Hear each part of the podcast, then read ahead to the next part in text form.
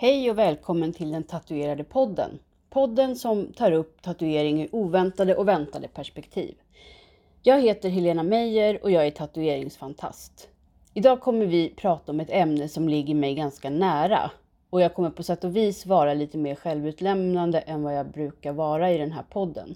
Vi ska prata om tatuering som psykisk status, något som jag började fundera på när, eh, när mina tatueringar har dokumenterats i mina journaler på psykiatrin. Och för att jag ska få hjälp att reda i det här så har jag bjudit hit en psykolog som heter Eli Linderholm.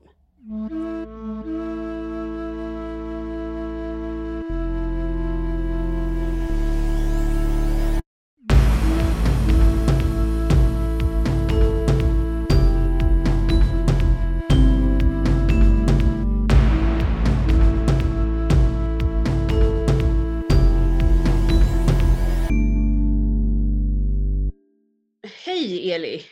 Hej. Välkommen till den tatuerade podden. Tack. Du är psykolog. Ja, Ja, Det vad gör man då?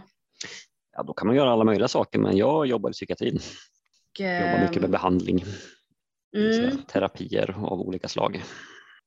precis, så det vi ska prata om är ju just kanske de mottagningar som jag har varit i kontakt med är ju framförallt psykiatriska öppenvårdsmottagningar i ja, lands, regionens regi. Liksom. Um, men jag tänkte kanske att jag ska börja med en liten så här historisk tillbakablick för att tanken med det här avsnittet är ju inte att bärsa sönder psykiatrin liksom, helt och hållet. Men jag tycker att det är ett intressant tema att, eh, att tatueringar förs in under psykisk status. För det är, alltså om tatuering var min psykiska status skulle jag nog vara gladast i världen. Så, eftersom jag tycker om mina tatueringar. Men eh, alltså, tatuering började ju kartläggas av läkare och kriminologer på slutet av 1800-talet. Jag ska inte gå in jättemycket på det nu, men det ansågs ju delvis vara en, ett utslag för en degeneration. Att den som tatuerade sig var en människa som egentligen tillhörde ett stadium, ett tidigare stadium av människans utveckling. En, eh, ja, men, i, samma, I samma nivå som en, som en förfader egentligen. Men man pratade också om att det fanns en, eh, det var en typ av eh, degenerationsprocess i, i hela befolkningen hos människor och att det då visade sig genom att man ägnade sig åt mer primitiva sysslor. Och under, alltså sen dess och fram till våra dagar så har ju tatuering kartlagts i psykiatrin och också i eh, den vanliga medicinen, kanske all, framförallt från hudläkare och eh, venerologer.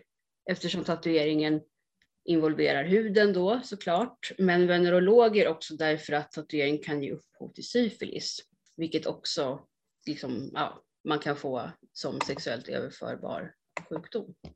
Så jag tänker, skulle du kunna berätta lite om hur det funkar med journalföring i psykiatrin?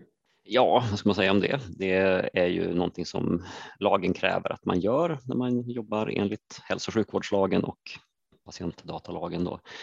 Eh, och tanken egentligen med en journal är ju att man ska dokumentera vad vården pysslar med eh, för att det ska framgå både för ja, men patienten själv naturligtvis men också för ja, men de andra vårdgivare eller yttre granskare.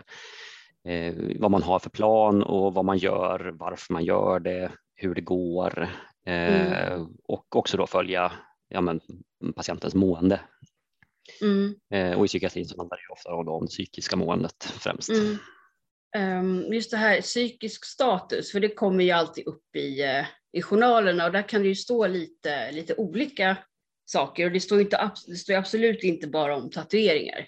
Så, det ska man ju inte, ska man inte tro, inte ens när det gäller mig. Men det står ju till exempel sånt som välvårdat yttre. Ja, precis. Den är ju lite klurig den eh, rubriken. Den eh, ska liksom ingå eh, i de flesta sammanhang för att man ska göra någon form av bedömning av ja, hur mår den här personen idag. Och tanken där är ju också då så att säga förmodligen man ska kunna följa förloppet, typ till exempel sker det några stora förändringar, några plötsliga förändringar, Mm. eh, så kan ju det vara väldigt relevant för vad man tänker framåt sen då liksom. Men eh, det som ofta då blir lite olyckligt, det är ju när det smyger sig in saker som kanske inte är helt relevanta eh, i det. Precis, för att jag brukar alltid få faktiskt välvårdat yttre och det, det känns ju skönt. Jag har också fått adekvat yttre. Ja, det, det låter ju lite tvetydigt kanske, Ja, men det är eh, en jag- ganska vanlig formulering tror jag. adekvat, ja okej. Mm. Ehm, nej, och sen då rikligt tatuerad i ansikte eller utbredda tatueringar. Men det är i alla fall inte en motsägelse till att jag har ett välvårdat yttre. Det, Nej, det det kan man ju faktiskt ge dem att det, Ja. det är bra. Men vad, alltså vad tänker du när, nej när du hör om att, eh, eller du kanske haft kollegor som har dokumenterat patienters tatueringar eller pratat om eh, patienters tatuering eller tatuering i allmänhet. Jag har väl hört talas om eh, den typen av kommentarer. Eh, inte sett så mycket själv men absolut eh, att det smyger sig ibland in ja, så värderande omdömen Mm. om saker som Mm. faktiskt inte alls hör hemma i en journal. Mm. Eh, och det kan ju vara då till exempel ja, men tatueringar eller eh, ja, men andra utseendemässiga grejer som sticker ut. Det kan ju vara exempelvis om man har eh, gjort mycket så här ja, men skönhetsingrepp, Mm. till exempel fillers eller Mm. annat. Eh, eller vikt eh, eller sånt som ja, kanske inte alltid är helt motiverat att skriva någonting om. Framförallt Nej. inte på ett värderande sätt. Nej men precis, för det, det är ju intressant det här med, med vikt, för det är ju någonting man också pratar mycket om i, eh, idag, att vikt smyger sig in i alla möjliga journaler. Om man söker för öroninflammation så står det att patienten är överviktig och det kanske inte riktigt hör ihop med att man har ont i örat. Nej, nej men precis. Eh, så att det som jag tycker att man hela tiden måste backa tillbaka till när man skriver journal är ju att ja, men, tänka igenom varför ska det här med? Mm, Alltså, till exempel då, ja men man har en uppföljning med någon som man inte träffat på en månad och så har personen rasat i vikt. Då, Mm, då kan ju mm. vikten hänga ihop med Mm. att personen också är superduper deprimerad just nu och mm, eh, att det kan vara viktigt att uppmärksamma till exempel. Eh, Eller att patienten har ökat jättemycket i vikt på kort tid, till exempel för att man har fått mediciner som gör att man lätt går upp i vikt. Mm. Eller så. Det kan ju vara relevant, Mm. Eh, men det kan ju också vara helt irrelevant. Så att eh, det där med att man måste motivera det. Ja, nej, men jag kan ju tänka mig att om jag kom efter en vecka och bara hade tatuerat hela kroppen, då kanske man skulle börja fundera. Ja, nej, men precis när det är någonting som är lite okaraktäristiskt. För menar, det skulle ju kunna vara så att ja, men du har blivit eh, jättemanisk sådär, Ja. som man kan bli och gjort något lite ogenomtänkt beslut och Mm. då kan det ju vara relevant om du plötsligt dyker upp Mm. med massa nya tatueringar i ansiktet. Mm. Eh, men inte för att tatueringen i sig är någonting Nej, fult precis. eller fel. Liksom. Nej, för det är ju intressant särskilt när man har en, en sjukdom som kan liksom yttra sig i att man blir både deprimerad och manisk. Så det måste ju vara ganska knepigt. Och, igen. Alltså jag kan ju få en större förståelse för att man skriver de här sakerna. Jo, men och även det där med vårdat eller ovårdat yttre, att även där får man ju vara väldigt noggrann med att eh, ja, men, om man ska dokumentera något sånt, att det ska vara relevant det också, eh, för att annars kan det ju lätt bli väldigt kränkande. Men till exempel då att det kan ju vara så att man eh, av något skäl har eh, generellt svårt att sköta sin hygien till exempel. Mm. Eh, och då kan det ju vara relevant, eller att man har blivit svindeprimerad och inte orkar. Eh, Mm. Då kan det vara relevant om personen annars brukar hålla sig hyfsat i trim. Liksom. Eh, Men det är ju det där också med hur, hur man skriver. Precis. Men du har ju eh, som alla psykologer, gissar jag, gått på psykologprogrammet i någon form. Japp. Eller hur man, hur man säger. Och jag, alltså jag förstår ju att ni har pratat om journalföring och eh, ja, vad som är rimligt att skriva eller inte. Men hur, alltså hur fungerar det med undervisningen där? Är, skulle du säga att lärarna är fördomsfria eller att det är så gamla föreställningar kanske lever kvar? Så att när jag gick så varierade det väl lite grann, men just, just undervisningen som handlade om eh, journalföring och den juridiken omkring det, den var ganska, där var de noga med att Mm. liksom, det man ska skriva ska vara respektfullt och eh, att det ska vara eh, motiverat varför man skriver saker och eh, att det man ska tänka på är att journalen liksom är någonting som man vill att patienterna ska kunna läsa utan att det ska bli kränkande. Liksom. Mm. Eh, och samtidigt då naturligtvis i balans med att man också måste skriva det som är relevant för behandlingen. Vi har ju pratat lite om, om forskning innan, innan idag. Mm.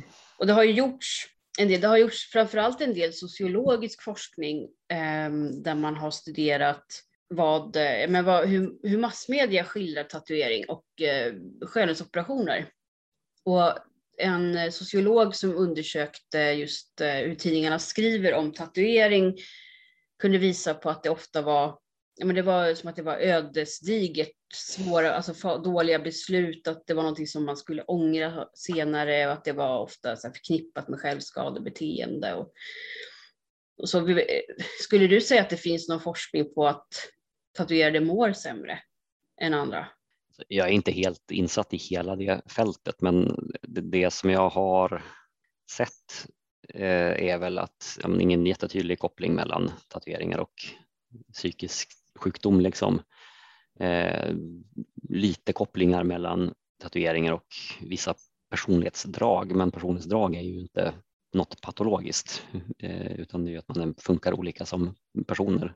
Och sen är det ju hela den där grejen att man alltid måste påminna sig om att ja, men, okej, det kanske finns skillnader på gruppnivå, men man kan inte vända på det och säga att jaha, okej, det finns de här skillnaderna så att du som individ med tatueringar är alltså si och så. Det går Nej. inte att dra sådana bakvända slutsatser av sånt. Nej, jag tänkte jag skulle läsa upp en grej.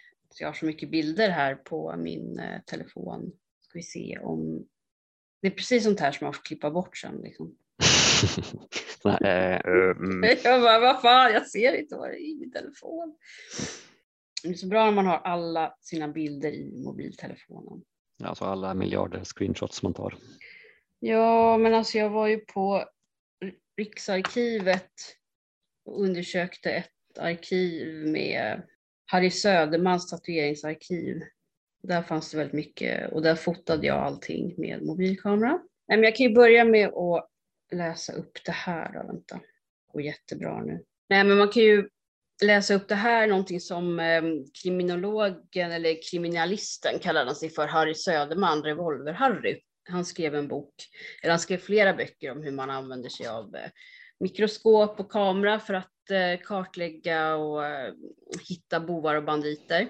Eh, och han var också väldigt, väldigt intresserad av tatuering och inte bara att han, han förknippade det inte bara med liksom kriminella utan han såg det som ett spännande kulturellt uttryck. Liksom. Men då har han i alla fall skrivit så här.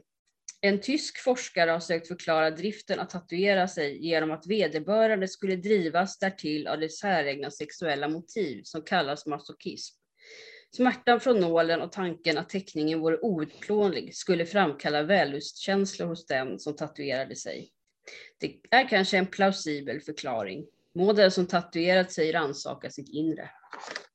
Eller så kan han kanske rannsaka sitt eget, vad vet jag. jag sitter här och analyserar folk. Liksom. Ja, det kan, kanske plausibelt. Ja, ja, precis. Man kan väl tänka sig alla möjliga scenarion och så, men det här gottandet i andras sexuella motiv känns ju lite, mm, ja. Ja, men och just det här att koppla samman, alltså smärta, smärta är ju egentligen något väldigt, väldigt vanligt och som tidigare generationer inte har kunnat undvika. Men just för att vi kan leva så mycket utan smärta idag så verkar det nästan vara liksom patologiserat. När någonting, att man kan välja någonting som gör ont. Ja, ja, nej men absolut. Då vill man liksom ha smärtan.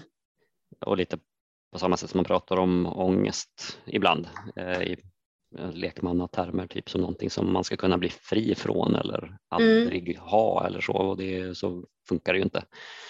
Eh, samma med smärta.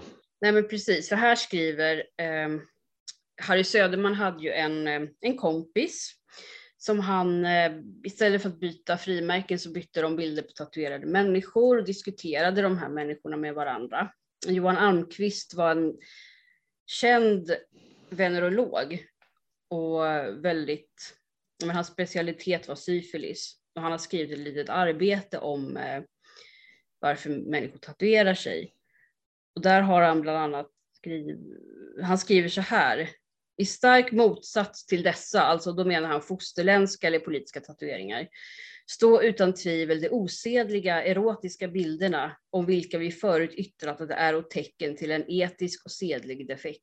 Detta får man dock icke taga alltför strängt just till följd av tillfälligheternas stora roll vid tatueringarnas anbringande. Om en levnadsglad och för det pikanta fallen yngling försatt sig i övermodigt lynne genom omgivningens inflytande.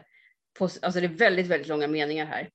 På sin arm låter tatuera en naken flicka så behöver detta ingalunda bevisa en djupt sjunken moral. Det kan, änd- det kan vara ett tillfälligt infall vars betydelse han i sin upprymda sinnesstämning ingalunda fattar.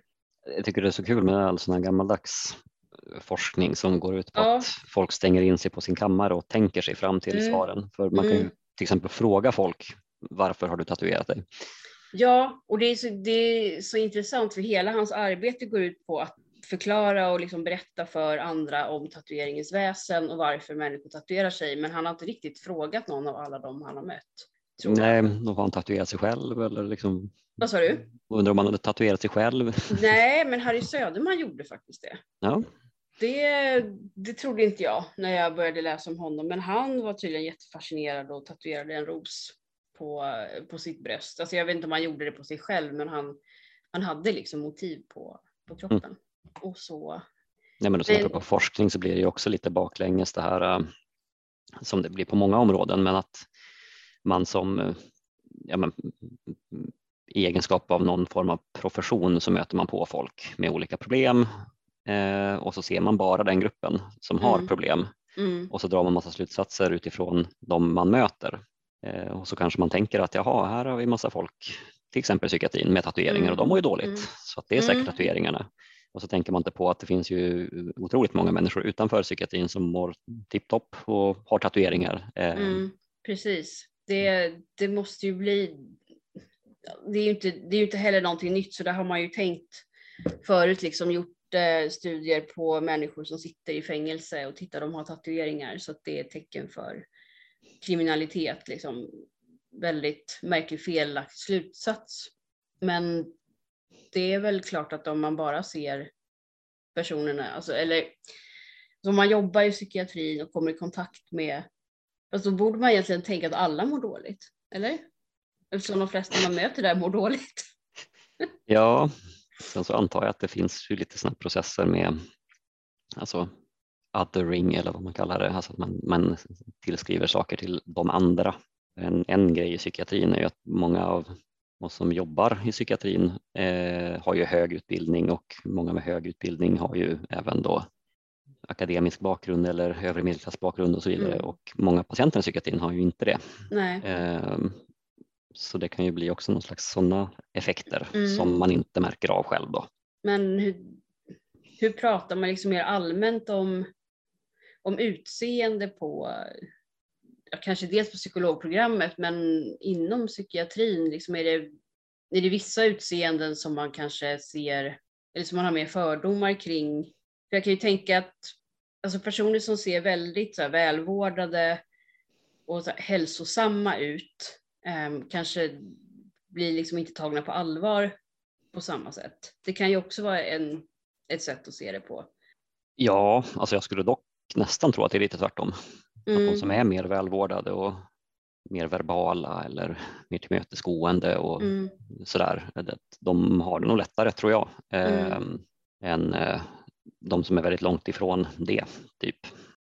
Och nu tappade jag tråden, vad var, vad var frågan? Hur man pratar om utseende. Ja, hur man pratar om utseende. Nej, men alltså, jag skulle säga i psykologkåren så tycker jag ändå att det finns en ganska sympatisk anda av att men man ska vara respektfull mot folk Mm. man möter. Mm. Eh, men sen har ju naturligtvis, alltså, alla har ju blinda fläckar eh, Mm. och en grej just i psykologkåren är ju att det är extremt alltså, snedfördelad så här, socioekonomisk bakgrund på de som kommer in på psykologprogrammet. Eh, Mm. Jag tror att det är mer snedfördelat på psykologprogrammet än på läkarprogrammet som jag har förstått det. Ehm, Så det kan väl absolut vara så att vi har någon slags också då utseendemässig medelklassnorm Mm. eh, som kan då slå igenom även om man gör sitt bästa för att in, inte vara dryg eller dum. Liksom. Mm. Nej men precis. Men skulle du säga att psykologskrået är mer öppensinnat än psykiatrikerkåren? Oj, det var en bra fråga. Det vet Ja. jag inte faktiskt. Du vet inte det? Du har inte gjort någon lite så här uh, undersökning på dina arbetsplatser? Nej, alltså Är du öppensinnad? vad tycker du om tatueringar? Nej, Ja, det vet jag nog inte precis. riktigt faktiskt. Nej, men vad tycker du själv om tatueringar då? Alltså jag har ju en del själv, så jag är ju generellt positiv. Betyder det att du har ett adekvat yttre? Ja, det är precis, det beror på. Man kanske skulle begära ut sina vårdcentralsjournaler och se om det står något. Ja, det där är så roligt. Jag Mm. gjorde en röntgen. Jag tror jag gjorde en lungröntgen. Eller alltså det var någonting som absolut inte hade med huden att göra och då hade de ändå skrivit i journalen att jag hade så här stor tatuering på ryggen och på armarna och det var liksom inget så här negativt överhuvudtaget. Men Men det var det skulle inte riktigt vara där bara. Jättekonstigt. Jag ska se, jag hade någon artikel som jag plockade upp från, nu ska vi se. Det är såna här grejer som alltid återupprepar sig. Eh, att man kommer ångra sig. Men här är en intressant.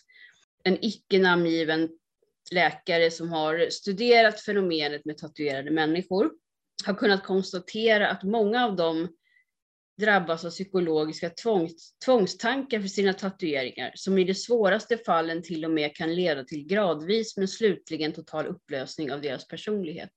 Oj, det, Är det någonting som du känner igen från din, ditt arbete? ja, det här ju lät ju lite extremt, även för att vara det här området får jag säga.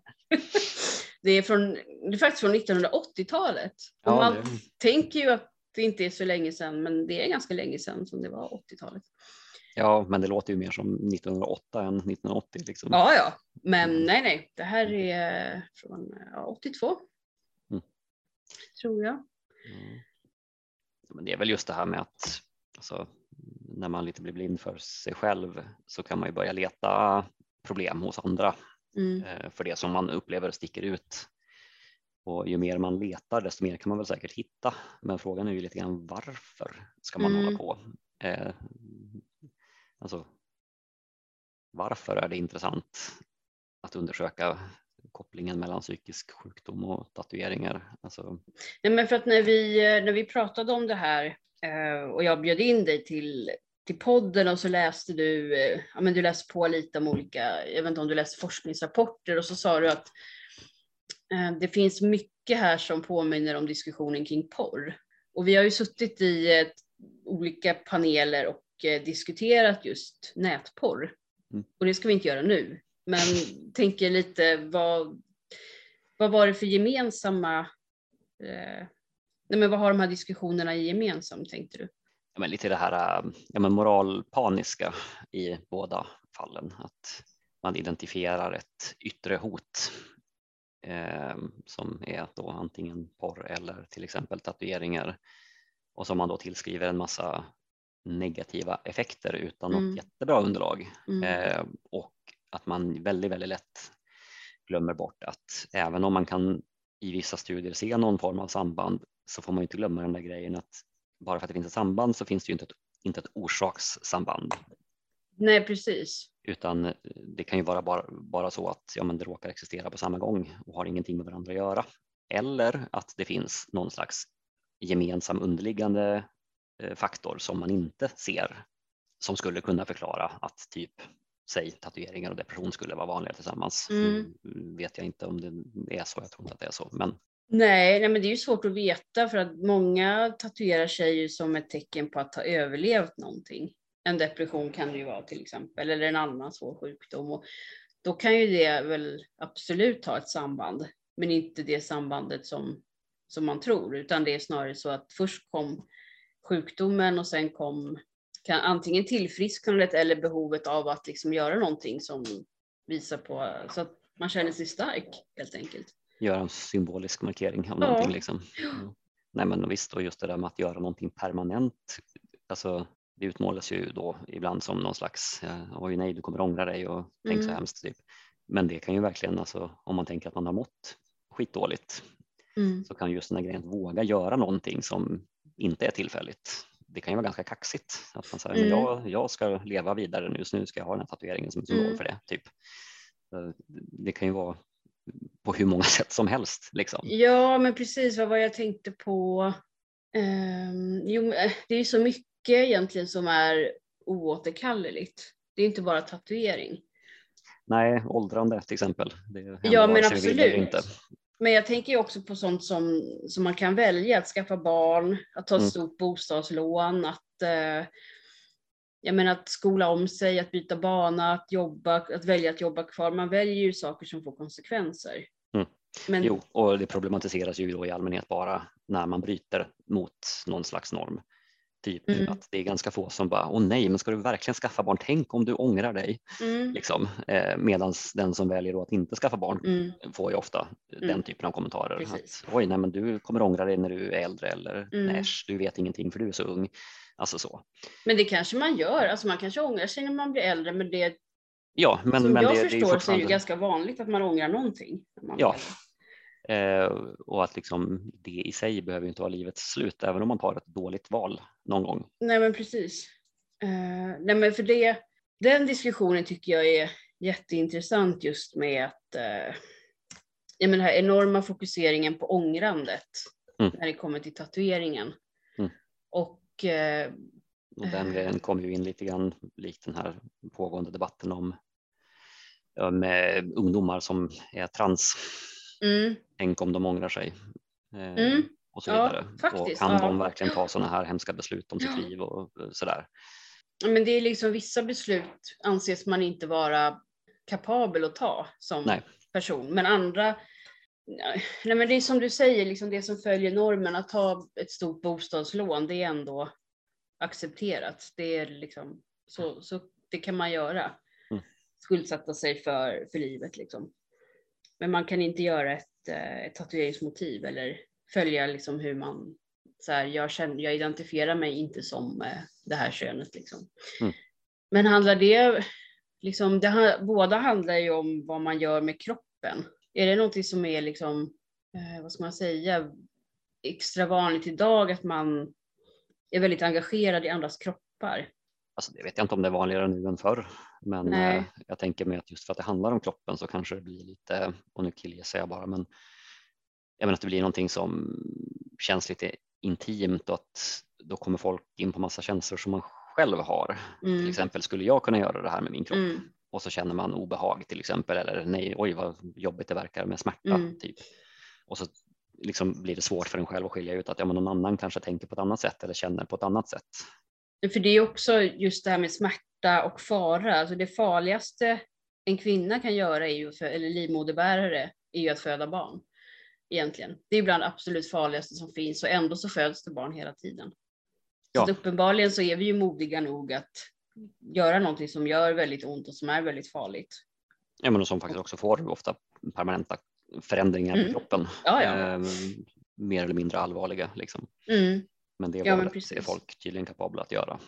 Verkligen. Och även i relativt ung ålder. Det är väl ingen som brukar uppmana Nej. tonåringar från att skaffa barn, men i alla fall annars brukar det vara ganska mycket som pushar i den riktningen. Vill du berätta lite om dina egna tatueringar? Du måste inte göra det. Men, Nej, men det är eh, helt okej. Nej, men jag, jag fick något infall någon gång. det var en impulsiv handling. Nej, det var, det var det inte helt. Det var mer att jag började tjäna pengar när jag började jobba. Jag har inte haft så mycket pengar tidigare i livet. Så, mm. så tyckte jag att men det här vore ju kul faktiskt. Eh, så då gjorde jag en sol och en måne på underarmarna med kvintcirkeln på. För mm. att jag tycker att det är en lite så här häftig musikteori-grej bara. Eh, och sen efter ett tag så byggde jag ut det med lite träd på ena armen eh, som ska vara lite symbol för bland annat min släkt. Eh, och sen på andra armen lite hav, symboler för platser som är viktiga. Typ. Så det, de kom lite successivt typ. Ja, du kom inte liksom till din psykolog efter en vecka och hade tatuerat hela kroppen. Nej, precis. Eh, impulsivt och ogenomtänkt. ja, verkligen. Nej, det var rätt roligt. Jag gick ju i, eh, i terapi i somras och då frågade jag bland annat den psykologen varför läkaren hade skrivit om mina tatueringar. Det visste han inte. Han bara, nej men ibland skriver vi sånt. Jag bara okej, okay, men varför? Men sen kom jag i alla fall dit eh, och hade tatuerat mig mer i ansiktet. Och jag tror att han såg det. Och då var jag så här, ska jag inte säga någonting om det? För det, alltså jag behöver ju inte ta upp det, det var ju liksom inte relevant så.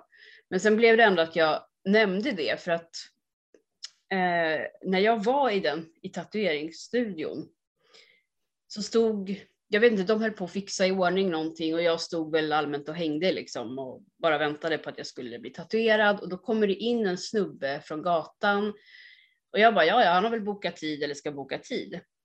Och då kom, han bara kommer in så här och hej! Och så var det en som, en som jobbar där som gick, ja hej, vill du, vill du ha hjälp? Eller så här, vi tar inte drop-in just nu under corona. Och så här. Han bara, nej, alltså jag såg bara att ni, eh, att ni var tjejer här inne, att det bara var tjejer här inne. Så att, eh, då tänkte jag att, jag att jag kommer in. Och jag bara, vad fan pratar du om? Och jag hade liksom suttit hela sommaren och inte kunnat bli arg. Och haft jättemycket samtal med psykologen om att jag har så svårt att bli arg. Och då blev jag så jävla förbannad. Så jag var tvungen att gå därifrån och ställa mig utanför toaletten och bara hyperventilera för jag blev så sur. Jag, bara, jag hade liksom glömt hur dumma snubbar kan vara mm. på något sätt.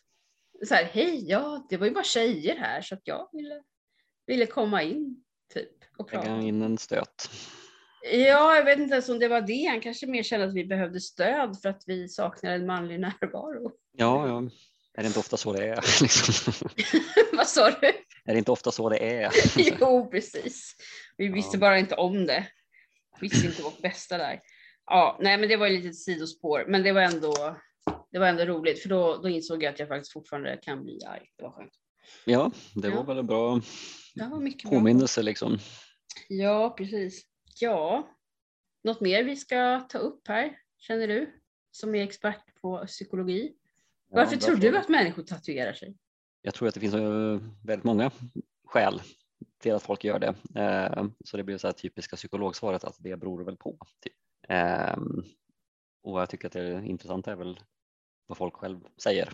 Jag får med lyssna på om det var i Skäringer och Mannheimer-podden när Mia pratade om sina tatueringar från hon ganska mycket sån. Liksom. Mm.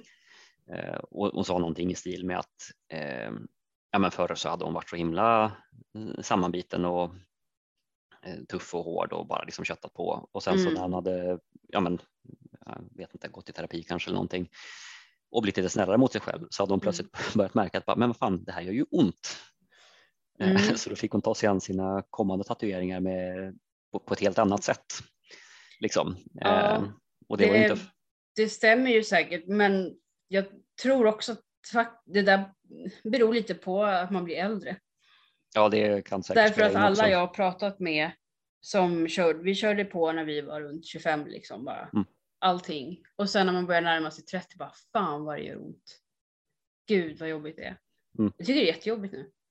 Ja, nej, men absolut att man kan ju förändras i sin ja. känslighet och allting sånt. Liksom.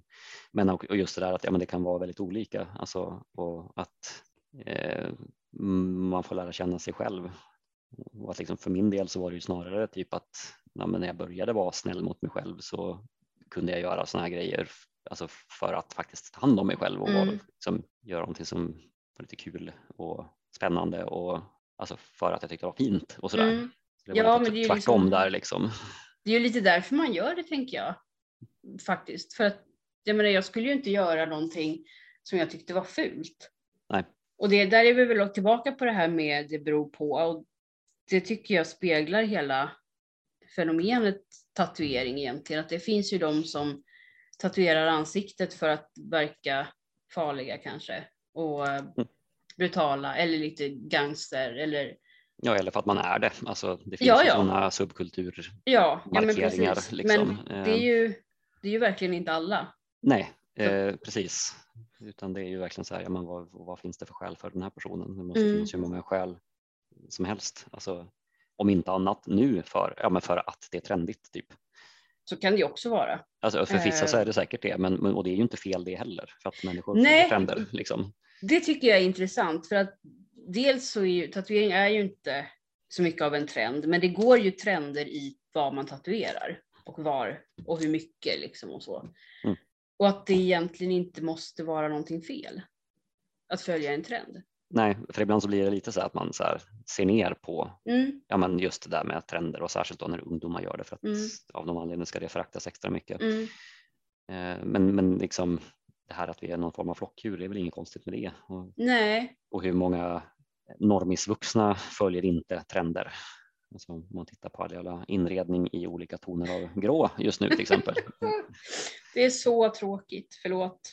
Ja, men det är en trend och liksom, ja, alla får följa de trender man Ja, men absolut. För, liksom. Och det, men det är ju egentligen inte, men det är lite samma som selfie-kulturen liksom. Mm. Det, är, det är en ful trend om man ska sluta med den. Ja, och det är unga som gör det och därför Vad är det sa du? fult. Och det är mest unga som gör det så det är Ja, ja, därför. framförallt unga tjejer liksom. Då är det helt, ja, helt irrelevant liksom för all typ av, ja, det är inte, inte intressant för fem öre liksom. Ja, och de gör det bara för uppmärksamhet, vilket för Ja. är ett begrepp som jag tycker är spännande. Också apropå tatueringar, Mm, alltså att man säger det med någon nedlåtande ton som om det var fel att vilja mm. synas eller vilja få uppmärksamhet på olika sätt. Ja, det där är intressant därför att jag har ofta gått i försvar mot det där. Att jag, för jag gör alltså personligen så gör jag det inte för uppmärksamhet. Mm. Och jag kan vara, jag tycker inte att det, alltså folk stirrar jättemycket. Eh, och det gör de säkert såklart också för att jag har väldigt synliga tatueringar. Mm. Och det är liksom, för mig, det säger jag liksom hela tiden i den här podden känner jag. Men det, det stör inte mig, men det glädjer mig inte heller, utan det är bara så. Så det är, det är någonting som jag får, får leva med. Men, Jo, men det är en konsekvens, men det var inte det du Ja. uppnå i sig. Liksom. men samtidigt så är det ju inte något, om någon nu gör det här för att de vill att människor ska titta så är inte det fult egentligen. Och där får jag ju kanske rannsaka mig själv lite, varför blir jag så provocerad när folk säger att jag gör det för att jag vill få uppmärksamhet. Mm. För det, det är inget fult. Nej, nej, men Ja. precis. Eh, Det som är lite fult är att tillskriva andra motiv som de inte har. Det är ju Mm. taskigt. Men, men i sig, nej, det är absolut inget konstigt att man vill ha uppmärksamhet. Det Nej. är ett ganska grundläggande behov nästan. Ja. Eh, Sen får man ju absolut fundera lite grann över hur man söker uppmärksamhet, vad det är man får uppmärksamhet för och, och vad det är man behöver och så Mm. vidare. Men det är ju en större fråga. Liksom. Ja, och det är också intressant för att vi har ju möjlighet att få så mycket uppmärksamhet idag via sociala medier. Men ju mer vi kan få, desto fulare anses det. Mm. Även om det egentligen inte är något konstigt med det kanske.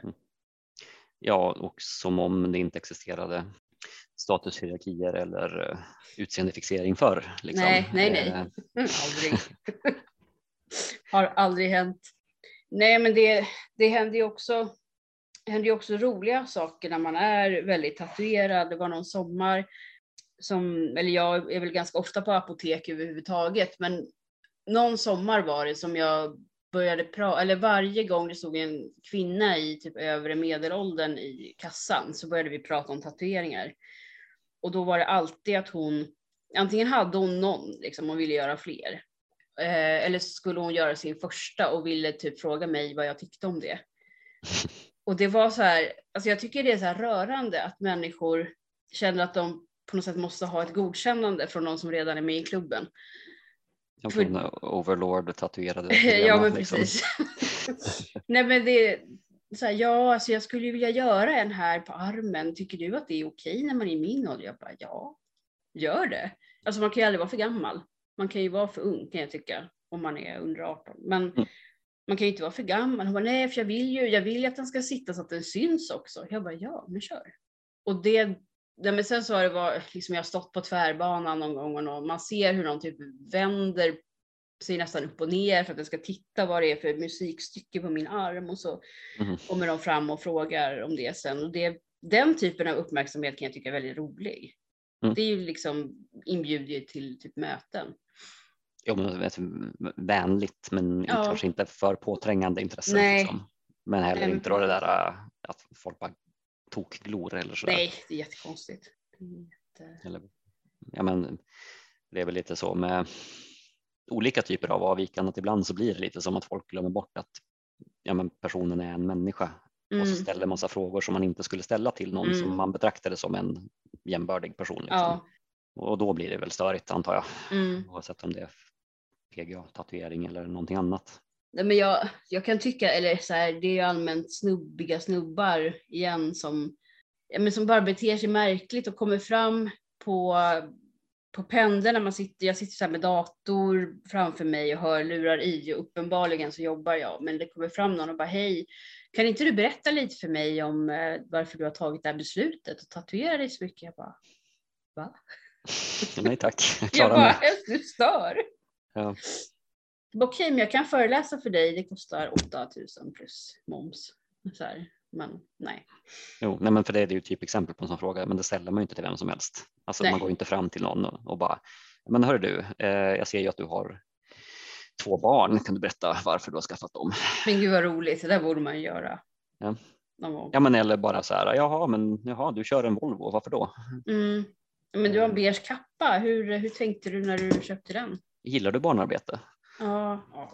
Eller sånt där, alltså den nivån av intima frågor som, ja, Mm. men man ställer inte det till vem som helst, men man glömmer bort det när det är någonting som sticker ut så mycket så att nyfikenheten på något vis tar över handen. Liksom. Ja, men det, är ju- det där är ju intressant överlag. Varf, varför gör man så? När någon sticker ut från normen. Att det här liksom, allt hyfs, eller hyfs, men ja, men som du lite, säger. lite hyfs liksom ändå. Ja, Ehm, men man tappar det. Nej, men jag tänker mig väl att oftast finns det ingen illvilja i det, utan ofta finns det väl förmodligen någon positiv Mm, eh, alltså, grund. mm, Men att jag tänker mig att det kanske är att just nyfikenheten tar över så mycket så att man tappar bort det där, eh, ja, men det vanliga hyfsen. Liksom. mm. Eh, Eller att sådana här idéer om att jaha, men eftersom du har tatueringar i ansiktet så är du ju säkert jätteexhibitionistisk så Mm, då är du mm. okej med att prata om vad som helst. Alltså, sådana fördomar kan ju säkert också spela in, tänker jag mig. Ehm, Ja, men det är så här, jag kan gärna prata om massa saker, men det handlar ju lite om timing. När, när, när gör jag det? Alltså, Mm. Inte om jag sitter med någonting helt annat kanske, men det, ja. Jo, men alltså, det påminner lite grann om sådana frågor som ja, men transpersoner kan få därför att folk blir nyfikna och glömmer Mm. bort att man kanske inte ska fråga en person man inte känner om hur dens könsorgan ser ut Nej, eller vilka operationer man har gjort i sitt liv och så vidare. Alltså det, det är ju också lite samma sak, att, men det är oftast, oftast i alla fall är det väl ingen fientlighet i det utan nyfikenhet, men Mm. att man måste containa Nej, men, lite. ja, alltså jag blir så, det är så fascinerande när man börjar liksom leta sig in under kläderna på folk. Mm. Sånt som, men vill du själv svara på de här frågorna? Nej. Ja, nej men precis, för att det är ju där man kanske tappar det lite. Att, Mm. Ja, för det har varit folk som har frågat mig, har du piercingar som inte syns när du har kläder på? Jag bara, är du dum?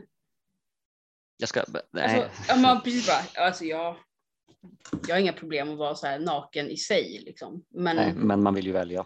man kanske inte gör det på tunnelbanan. Mm. Typ. Nej men just, vad ska man säga, liksom, man, man förlorar lite av den här kroppsliga integriteten när man sticker ut. Ja, nej men jag vet inte om det är så mycket, mycket mer jag, eh, jag har liksom inga fler frågor, men kommer du på någon Mm, nej, jag tror jag tänkt väl det mesta eh, av det som jag hade diskuterat i alla fall. Jag hittade någon rolig eh, artikel tror jag om eh, psykodynamisk analys av tatuering. Jaha, vad, vad var den analysen då? Åh herregud. Ja, vad var det? Så jag läste det igår. Jag vet inte om jag kommer ihåg. Jo, här var någonting om en studio. En studie visade att eh, antalet motorcykelincidenter en person hade, eller per, olika personer hade, korrelerade mer med eh, nu, alltså antal tatueringar hos, hos personer än med någonting annat. Mm. Så att har du en tatuering så har du större chans att råka ut för en motorcykelolycka. Mm. Undrar om det gäller oavsett om man har en motorcykel eller inte.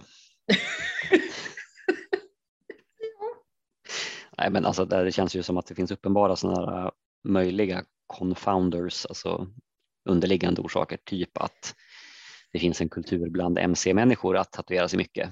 Och då är det klart att man kommer ju att ha högre så. risk för olyckor också. Kan vara så. Eh, Men sen är det också någon som eh, noterade att det finns en eh, homosexuell symbolik i att skaffa en tatuering. En man, en ung man, som i sällskap av sina vänner besöker då en tatuering eller tatuerare och får sitt jungfruliga skinn um, penetrerat. by the tattoo. Vad sa du? Penetrerat ja, av en nål. Ja, det är ju Ja. väldigt symboliskt. Oj, oj, oj. Ja, ja, de har tänkt till här som fan. Men det här är lite också sitta på sin kammare och klura. Ja, nej men eh, alltså jag har en teori och nu ska jag trycka in det här fenomenet i den teorin och utkommer det någonting. Sen om det har med verkligheten att göra, det är Mm. oklart, men jag har en Nej, teori. men ja, nej, men det är jätte, jätteintressant. Och just det här med, nej, men för bara, jag vet inte, ja, men typ 20, 10-15 år sedan när man pratade om självskadebeteende så var det ju i alla fall en del prat om att det var någon sorts symbolik i, eh, med någon sorts sexualsymbolik, att man penetrerar den orörda huden med Mm. eh, skarpa verktyg. Och det har Mm. väl förhoppningsvis förkastats kanske av senare. Ja, alltså jag vet inte. Det Nej, känns okej. så alltså, meningslöst att bara, bara titta på ja, men, formen av ett beteende och Mm. inte titta på funktionen. Alltså, man kan ju använda allt möjligt som ett självskadebeteende om det är det som är funktionen. Alltså, Mm. Man kan skära sig eller man kan skalla en vägg eller man Mm. kan ja, hamna i olika skadliga sexuella situationer eller man kan hetsäta som självskada, alltså om Mm. funktionen är att man får ont till exempel av det. Eh, Men det är just det man måste titta på, ja, men var, varför gör man det? Det blir väldigt, väldigt konstigt att klumpa in då en tatuering som någon gör av glädje Mm, för att det är kul och fint mm, med, med eh, självskada som är liksom, eh, folk behöver hjälp med. Liksom. mm. Ibland är det lite svårt att hålla två tankar i huvudet samtidigt. Att en person kan tatuera sig för att det är liksom det är destruktivt och den letar efter ett sätt att ja, men dels kanske skada sig i stunden men också skada sig och sina framtida möjligheter. Men Mm. att en annan person som tatuerar sig kan ha en helt annan ingång i det. Ja, nej, men absolut. Ehm, Det, det är ju det där. Det funkar olika för olika människor. Men det finns ju en konsthistoriker som eh, brukar säga att tatuering inte är ett fenomen utan ett medium. Och jag börjar kanske, nu när vi pratar kanske jag förstår vad han menar. Därför att det är nog inte ett fenomen utan det är ju flera Mm. i så fall. Men det är ändå ett medium, man uttrycker ju någonting via, alltså det är ett sorts konstnärligt uttryck eller hantverk. Mm. Konst, hantverk, liksom någonting som man gör, någonting som man skapar. Ja, men det hade varit lite intressant. Alltså, för ett tag sedan så kom det en bok av en psykolog slash sexolog som heter, jag tror den heter Varför har man sex? Och där har hon listat tror jag 46 olika anledningar som folk Mm. brukar uppge. Mm. Det är en bra bok eh, och det, något liknande skulle man kunna göra för tatueringar. Mm, gud, det skulle man ju göra. Eh, varför tatuerar du? Då får man ju, alltså, då får man ju 42 svar om man frågar 42 personer. Nej, men eller hur, man, man kan ju säkert klumpa ihop det till olika teman tänker jag mig. Mm. Men det Eh. skulle ju vara intressant då att verkligen ta med, för ofta blir det liksom så här att ja, men jag tatuerar mig för att det är fint, jag gillar att jag gillar att det är blommor, jag gör det för att det är konst. Men att man faktiskt gjorde det, att allt fick plats, Mm. även det här destruktiva. Nej, men jag gjorde den här för att jag var deprimerad och jag Mm. struntade i mina framtida möjligheter. Eller jag, jag tog ett impulsbeslut när jag var i Thailand när jag var 19 Ja. och nu har jag en sned yin yang på rumpan. Liksom. Ja. Eh, Men och- liksom, vem bryr sig? Det är väl roligt också. Alltså, Ja, nej, men eller hur, och att det behöver inte vara en katastrof. Eh, men att absolut impulsiva grejer kan ju göra att man gör saker. mm. Men det måste inte vara så för alla. Det är väl det som är grejen. Men det man- finns ju lite förakt inom själva, alltså det finns ju inte en subkultur med tatuerade människor därför att tatuerade människor är olika. Men ändå lite det här att man ska inte tatuera sig impulsivt på en resa när man har druckit alkohol. Och Nej, det kanske det- man inte ska, för att det Alltså- kanske finns risker med det. Men jag tycker inte heller att man behöver döma de som har, har gjort det. Nej, nej, men eh, alltså ska, ska och ska, det är sånt som händer. Alltså, Ja, och och Man att, ska väl egentligen inte berusa sig Det finns ju risker med det överlag. Eller göra någon, alltså riskbeteenden ska väl i så fall undvikas helt och hållet. mm, men, Men, det det är ju inte mer hända. skam egentligen tycker jag att skaffa sig en ful tatuering. Nej, För att än en- fulhet hör ju till. och dumma beslut. Alltså, Det Mm. behöver inte vara världens ände. Det är ju naturligtvis tråkigt om man får en infektion för att man går Mm. till något ställe som är dåligt. Men men fortfarande liksom. Ja, men Det- absolut. Och man ska ju ta så bra beslut och inte lägga sig under nålen som inte är ren. Och, alltså, man kan få men, sjukdomar och ja, men, allt möjligt sånt. Men det är inte riktigt det jag tänker på, utan det är mer det här moraliserandet. Ja, nej men Vad man precis. har gjort när man var ung. För där kan man ju säkert se om man gör olika teman där liksom med varför folk tatuerar sig. Att det finns ju säkert. Det är ju säkert så att man kan göra någon slags hierarki med finare skäl och fulare Mm. skäl. Mm. Typ, men jag har skaffat en tatuering för eh, mitt barn som dog. Mm. Liksom, det var jätteviktigt för mig och det är Mm. säkert skulle kunna räknas som ett fint Mm. skäl då liksom. Med, medans då typ fylletatuering i Thailand kommer väldigt långt ner på Mm. fin, finskalan liksom. Mm. Så här fint och fult. Ja, men för det är ju mycket det det hänger på på något vis, att det är ju det här med någon, någon slags klassgrej tror jag. Att eh, saker som ses som trashiga liksom är inte lika fint som andra mm, utseende Nej. uttryck som man kan ha. Typ man kan eh, gå till frisören för 2000 spänn och det är ungefär lika så här, onödigt. Mm. Men om man tar en, gör en tatuering för 2000 spänn så kanske det är inte riktigt lika fint. Liksom. Nej, alltså det är ju. Tatuering kan ju egentligen vara hur dyr som helst. Mm, idag. kan- Alla, det, det behöver ju inte vara så dyrt för att vara bra. Mm. Men det finns ju tatuerare som, ja men de går liksom inte under 10 000 Mm. för en sittning. Och ofta så får man får väl vad man betalar för, men det betyder ju inte att de som är så ordentliga, renliga, duktiga, alltså konstnärligt duktiga, hantverksmässigt duktiga, att de skulle vara sämre.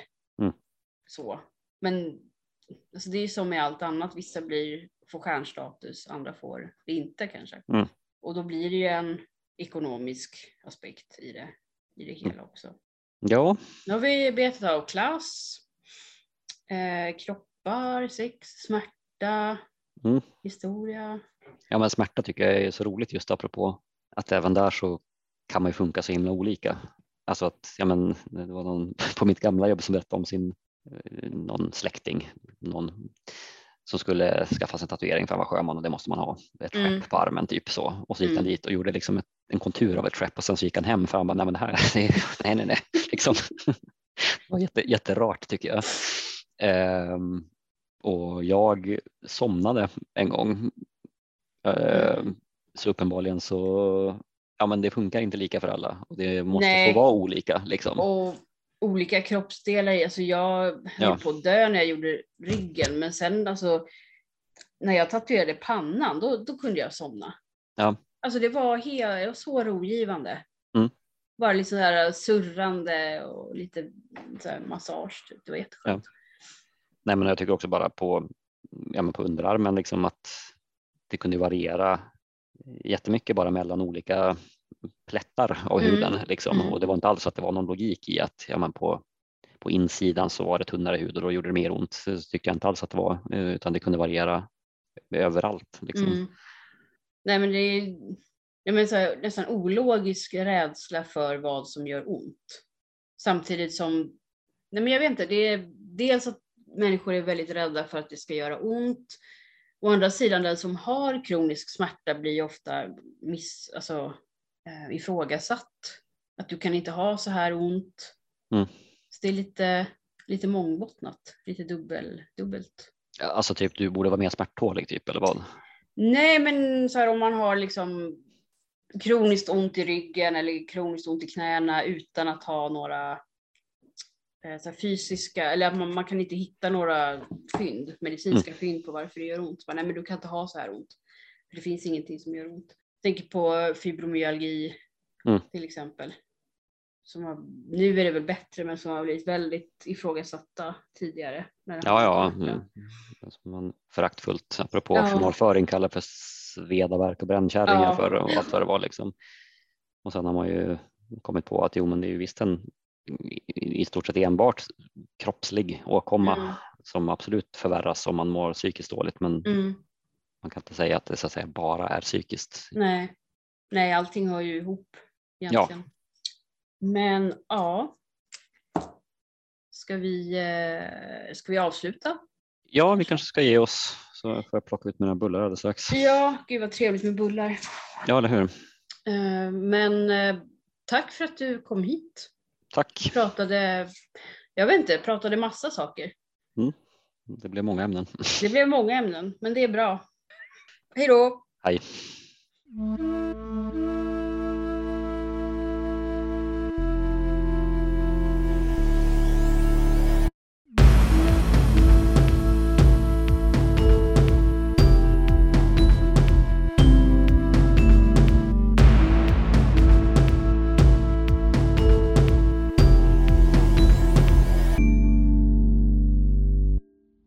Du har lyssnat på Den tatuerade podden med mig, Helena Meijer. Gäst var psykolog Eli Linderholm. Musik av Sabina Värme. Hej och välkommen till Den tatuerade podden. Podden som tar upp tatuering ur oväntade och väntade perspektiv. Jag heter Helena Meijer och jag är tatueringsfantast. Idag kommer vi prata om ett ämne som ligger mig ganska nära, och jag kommer på sätt och vis vara lite mer självutlämnande än vad jag brukar vara i den här podden. Vi ska prata om tatuering som psykisk status. Något som jag började fundera på när, eh, när mina tatueringar har dokumenterats i mina journaler på psykiatrin. Och för att jag ska få hjälp att reda i det här så har jag bjudit hit en psykolog som heter Eli Linderholm.